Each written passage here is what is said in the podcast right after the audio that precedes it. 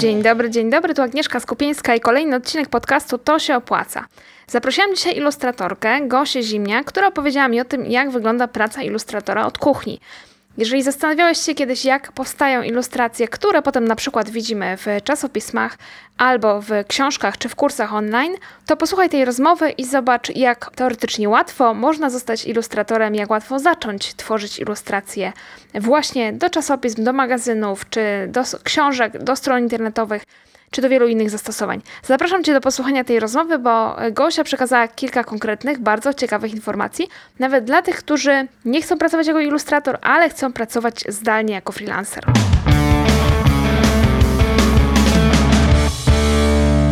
Jest z nami dzisiaj Gosia Zimniak. Dzień dobry, Gosiu.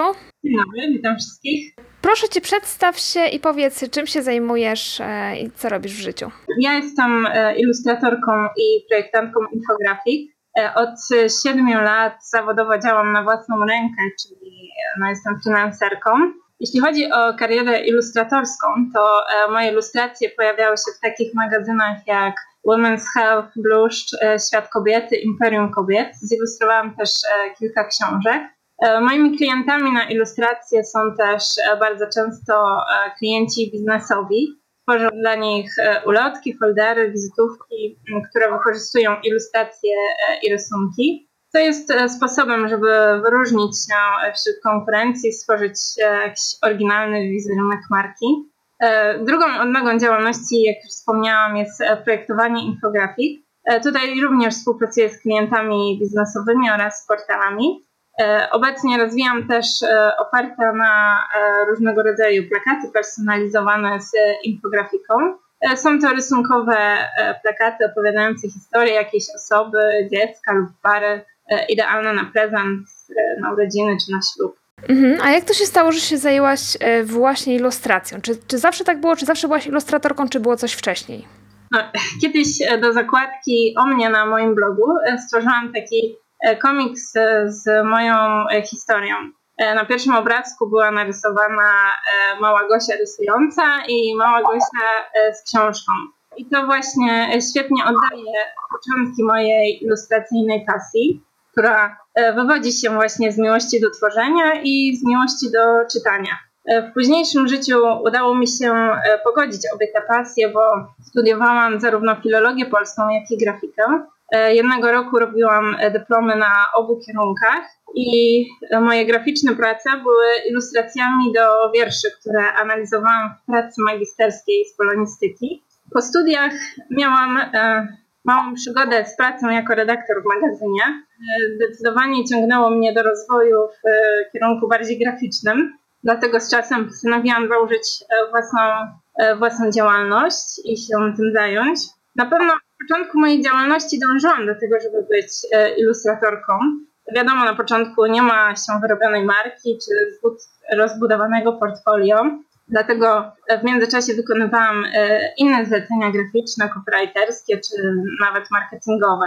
E, z czasem zleceń na ilustracje, na rysunki było więcej, ale też pokochałam tworzenie infografik, dlatego teraz zajmuję się tymi dwoma dziedzinami które na pewno są do siebie podobne, bo wymagają pracy zarówno z obrazem, jak i z tekstem. Dobrze, to teraz powiedz mi, jak e, zdobyłaś pierwsze zlecenie, bo mówisz, że były tutaj różne pola i różne te zlecenia różnych typów, ale pierwsze zlecenie, jeżeli chodzi o ilustracje bądź takie graficzne właśnie prace. Moje pierwsze zlecenia ilustracje e, było od nieistniejącego już magazynu Bluszcz, od którego tak naprawdę się wszystko zaczęło, cały ten pomysł na ilustrowanie, na ilustrowanie artykułów. E, z racji zainteresowań tematami kulturalnymi e, czytałam regularnie Blusz i strasznie podobało mi się w nim to, że wszystkie artykuły były ilustrowane przez polskich e, ilustratorów. W końcu postanowiłam wysłać portfolio, takie papierowe, wydrukowane do redakcji. No i bardzo szybko dostałam pozytywną odpowiedź i w ten sposób stworzyłam moją pierwszą ilustrację na zlecenie właśnie do bluszcza. Czy tam było jakieś ogłoszenie, że poszukują ilustratorów, czy po prostu sama wpadłaś na to, że możesz wysłać tam ilustrację tak niepytana o to? Raczej nie kojarzę, że tam było coś na ten temat. raczej wysyłam, wysyłam sama. Czyli opłaciło Ci się wyjście z inicjatywą do, do klienta. Mhm, dokładnie. A gdybyś miała spojrzeć na te y, kilka lat, które już pracujesz jako freelancerka, to skąd najczęściej do Ciebie trafiają klienci? No myślę, że z szeroko pojętej obecnie działalności internetowej. Jest to na pewno sekcja teraz y, z portfolio.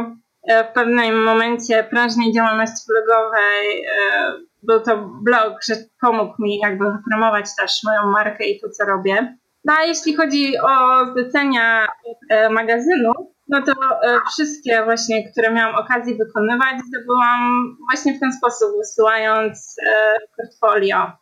No i to jest właśnie dowód na to, że nie warto czekać z założonymi rękami, aż nas ktoś odkryje, tylko jakby właśnie przyjmować tą inicjatywę i starać się samemu trafiać do, do wymarzonych klientów. Czyli mówisz, że e, w tej chwili blog e, pomaga Ci raczej w zdobywaniu zleceń, że opłaca się ten blog e, prowadzić, bo stąd też klienci do Ciebie trafiają. No teraz już jakby e, trochę mniej regularnie go prowadzę, ale no mówię, tak w pewnym momencie jak e, dosyć regularnie go prowadziłam, no to rzeczywiście no, pomógł mi w wypromowaniu mojej marki. Mhm. To ja bym jeszcze chciała Cię zapytać o to, kim są Twoi klienci, bo mówisz, że magazyny, ilustrujesz dla magazynów. E, mówiłaś też, że kilka książek. Czy to znaczy, że z wydawnictwami współpracujesz, czy to są raczej książki self-publisherów? Różnie. E, czasami są to wydawnictwa, a często też właśnie self-publisherzy, czyli no tak naprawdę klienci biznesowi. Zazwyczaj są przedsiębiorcy, którzy gdzieś tam wydają swoją książkę i chcą, żeby była oryginalna i też ładna pod kątem wizualnym. Też tworzę, nie wiem, ilustracje na przykład na strony filmowe jakieś. Czasami właściciel firmy się zgłasza do mnie, bo ma pomysł na przykład na jakiś mem i potrzebuje kogoś, kto by go narysował. Myślę, że obecnie jest naprawdę wiele możliwości dla ilustratorów i, i rysowników, właśnie też od wydawnictw, bo książki obecnie wydawane, nawet te dla dorosłych są często bogato ilustrowane. No a właśnie w biznesie odręczna kreska i takie artystyczne podejście jest bardzo w cenie, zwłaszcza w dobie fotografii sztukowych, co pozwala się to wyróżnić i zaproponować coś, coś zupełnie innego. No tak, to prawda. Z tych fotografii stokowych wszyscy korzystają, potem wszystko to wygląda e, jak odbite na ksero, bo, bo wszyscy mają te same fotografie, czy w tym samym stylu. A czy było jakieś zlecenie w Twojej karierze, które było szczególnie wymagające? Takie na przykład, które, do którego musiałaś się czegoś dodatkowego nauczyć, czegoś e, dodatkowego dowiedzieć? No, e, najtrudniejsze zlecenia to zdecydowanie te, gdzie e, po prostu są trudne rzeczy do narysowania, e, trudne dla mnie. E, tak było na przykład w przypadku mm, dla dewelopera, gdzie trzeba było rysować na przykład kuchnię czy okna w perspektywie, no co już bardziej podchodzi pod rysunek techniczny.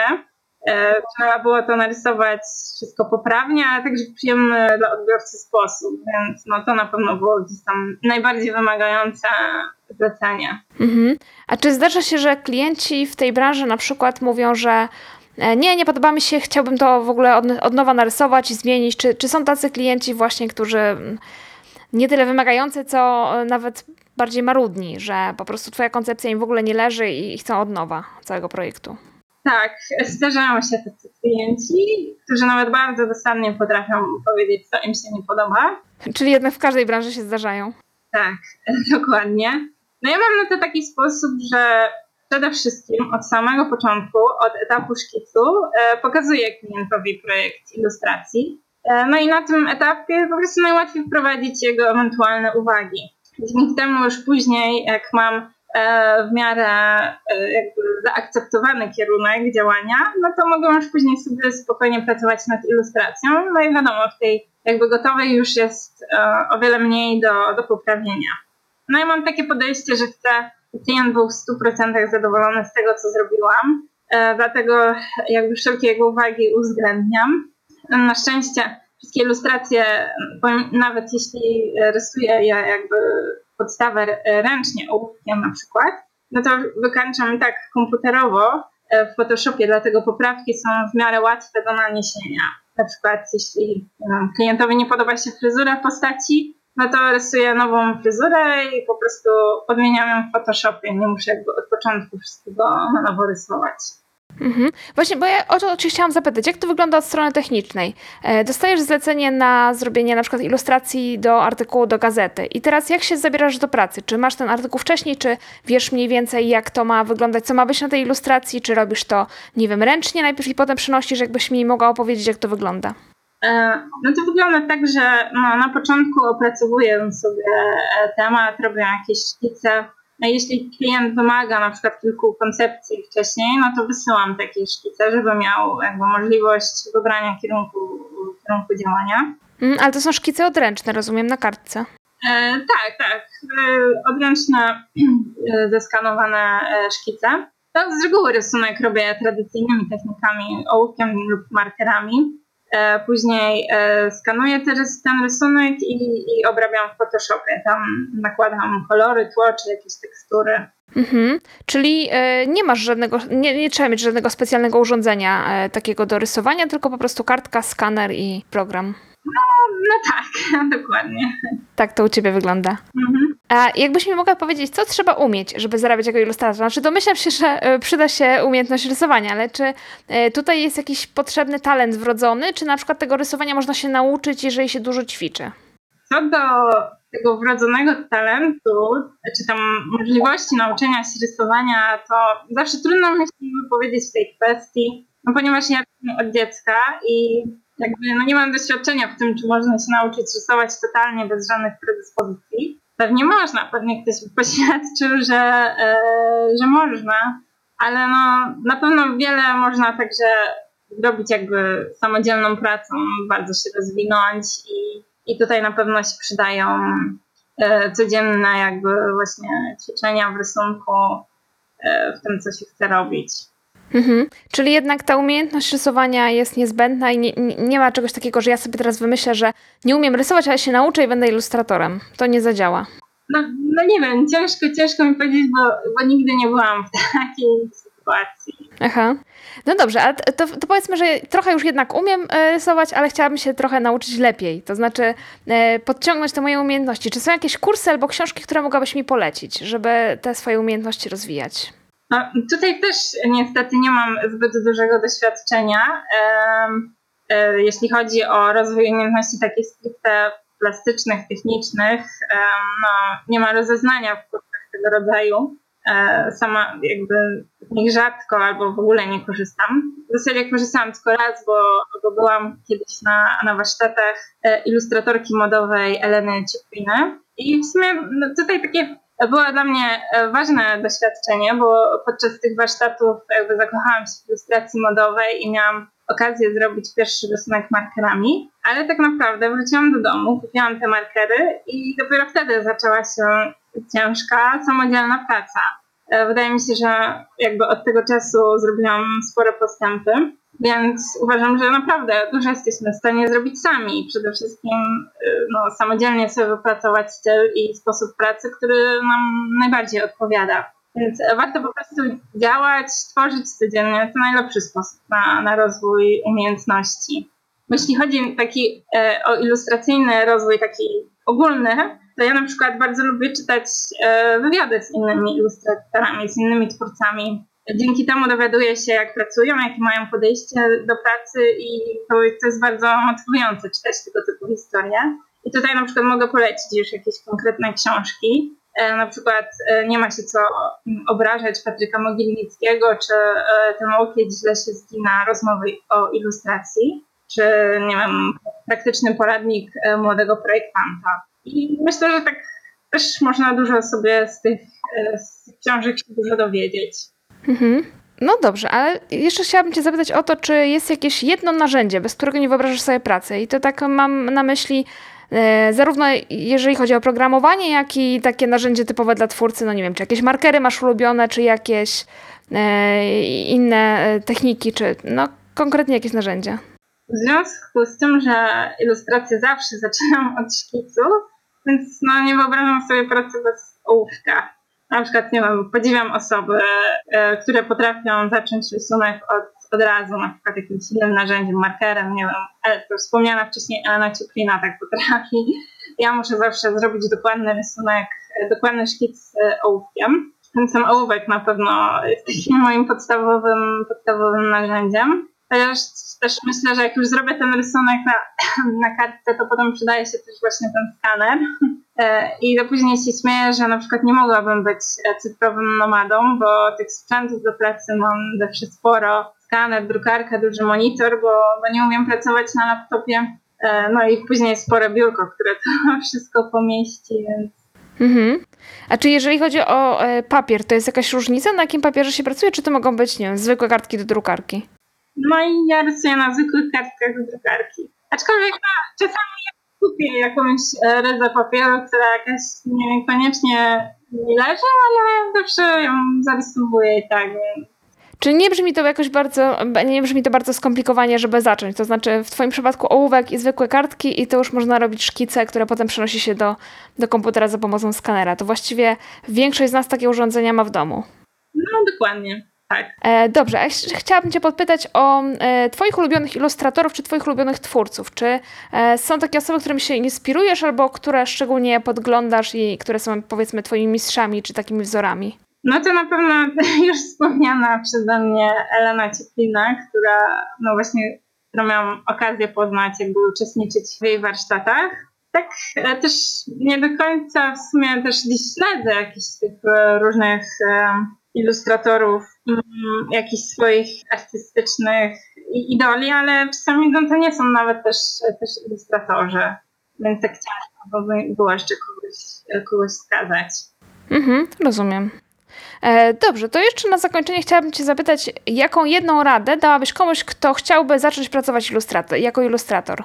No, to chyba coś, co już e, dzisiaj padło z moich ust, czyli żeby nie czekać, aż ktoś cię odkryje, tylko e, aktywnie działać w kierunku zdobywania zleceń od wymarzonych klientów. Mhm. To jest fajna rada, bo zawsze osoby mnie pytają, gdzie znajdować zlecenia, jak szukać tych klientów, no to w pierwszej chwili zawsze się pojawia, że na przykład jakieś portale ze zleceniami szukać w ten sposób, a ty masz tutaj, widzę, zupełnie inną drogę, to znaczy sama wychodzisz i sama e, się zgłaszasz i proponujesz. Przynajmniej tak na początku było. Tak, tak. No tym bardziej widzę, że to często też działa, nie? Mhm. Dobrze, świetnie. To jeszcze na koniec chciałabym Cię poprosić, żebyś powiedziała, gdzie można Cię spotkać w sieci, adresy do Twoich miejsc, do Twojego bloga. No to można mnie spotkać na, na mojej stronie internetowej e, gosiazimniak.pl e, No i w mediach społecznościowych na Facebooku, na Instagramie też działam jakby pod swoim imieniem i nazwiskiem Gosia Zimniak, więc w ten sposób można mnie znaleźć. Mhm, świetnie. A jeszcze powiedz, nad czym teraz pracujesz? Czy coś przygotowujesz w związku z blogiem e, nowego, czy, czy jakieś masz ciekawe zlecenia, o którym możesz opowiedzieć? No teraz właśnie, tak jak już mówiłam też e, wcześniej, dziś rozwijam tą e, ofertę na, na plakaty personalizowane z, z infografiką mm, i właśnie nad tym pracuję, nad, nad nowymi wzorami, nad jakimiś nowymi pomysłami e, i jakby rozkręcaniem tego. Super. Bardzo Ci dziękuję za, e, za udział w podcaście i za podzielenie się swoim doświadczeniem, jeżeli chodzi o ilustrację. Ja również dziękuję za zaproszenie, było mi miło.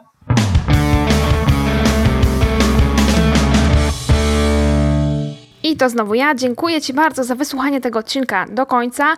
Oczywiście na stronie tosiopłaca.pl ukośnik podcast znajdziesz listę wszystkich odcinków podcastu, w tym ten odcinek e, podcastu i oczywiście zapis nagrania i zapis naszej rozmowy, linki do miejsc, o których mówiła Gosia i nazwiska, o których mówiła w naszej rozmowie. Zapraszam Cię do odwiedzenia tej strony. I oczywiście, jeżeli podobał Ci się ten odcinek podcastu, gorąco zachęcam do zostawiania ocen czy gwiazdek, w, na przykład w iTunes, czy tam, gdzie słuchasz, być może są możliwości takie, żeby dać łapkę w górę, dać gwiazdkę i ocenić e, w ten sposób podcast, dlatego że dzięki Waszym ocenom mój podcast może być trochę wyżej gdzieś tam e, w rankingach, w wynikach wyszukiwania i więcej osób może go odsłuchać. A jeżeli znasz kogoś, kto chciałby pracować jako ilustrator, albo kto ma talent plastyczny i nie bardzo wie, co z nim dalej zrobić, podeślij mu proszę ten odcinek, być może ta rozmowa zain- zainspiruje go do poszukania sobie miejsca i poszukania sobie pracy właśnie jako ilustrator. Dzięki Ci bardzo za wysłuchanie i do usłyszenia w kolejnym odcinku.